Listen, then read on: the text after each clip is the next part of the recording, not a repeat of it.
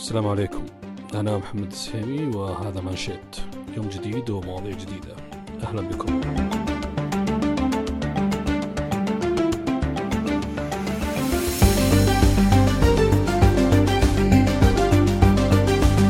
في حلقة اليوم بنتكلم عن مشروع نظام الإعلام اللي أعلنت عنه الهيئة العامة لتنظيم الإعلام وبنستعرض اللائحة والعقوبات وأهداف هالمشروع.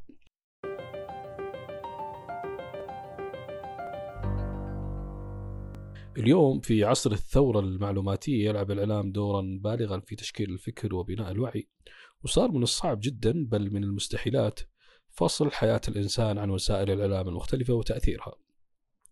لذلك حرصت الهيئة العامة لتنظيم الإعلام على تنظيم هذا القطاع ومراقبة المحتوى الإعلامي وتعزيز القيم الثابتة في المملكة. ووضعت مهام أساسية تعمل على تحقيقها لتحقيق نقلة نوعية في قطاع الإعلام بما يتوافق مع رؤية 2030 آخر منجزات الهيئة العامة لتنظيم الإعلام طرح مشروع نظام الإعلام للعموم على منصة استطلاع ويهدف هذا المشروع للوصول إلى التكامل في الأنظمة الإعلامية سواء كانت تقليدية أو حديثة كما يسعى لرفع مستوى البيئة الإعلامية ودفعها لتكون بيئة جاذبة للمستثمر وداعمة للمواهب والاقتصاد.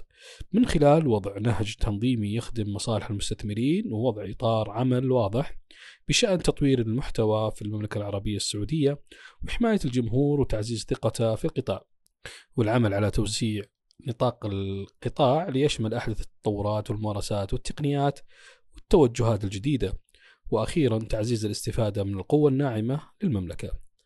مشروع النظام الإعلام يتضمن 14 أمر محظور ضمن اللائحة وأول هالمحظورات عدم التعرض والمساس بثوابت الشريعة الإسلامية وعدم المساس بالملك أو ولي العهد أو بث أو نشر أي مادة فيها خلال بالنظام العام أو الآداب العامة أو تشجيع الإجرام أو الحث عليه أو التحريض على العنف والإرهاب.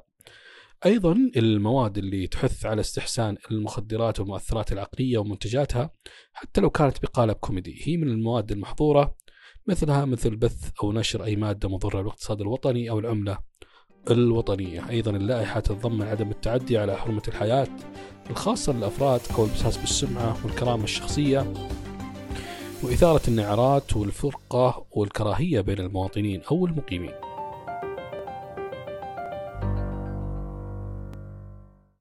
ومن ضمن المحظورات أيضا عدم بث ونشر وقائع التحقيقات أو المحاكمات دون الحصول على إذن من الجهات المخولة. كذلك من الضوابط التي حددتها اللائحة عدم نشر أو بث ما يتضمن معلومات كاذبة لا تستند إلى حقائق ومعلومات موثقة. طبعا كل من يخالف أحكام النظام واللائحة حددت مشروع نظام الإعلام العقوبات حيث تبدأ بالإنذار ثم غرامة ثم غرامة لا تزيد عن 10 ملايين.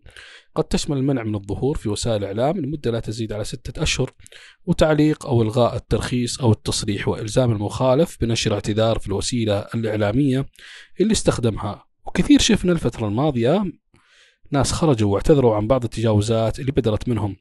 أما في حال تكرار المخالفة واستمرارها فيتضاعف مبلغ الغرامة خلال المهلة المحددة في القرار.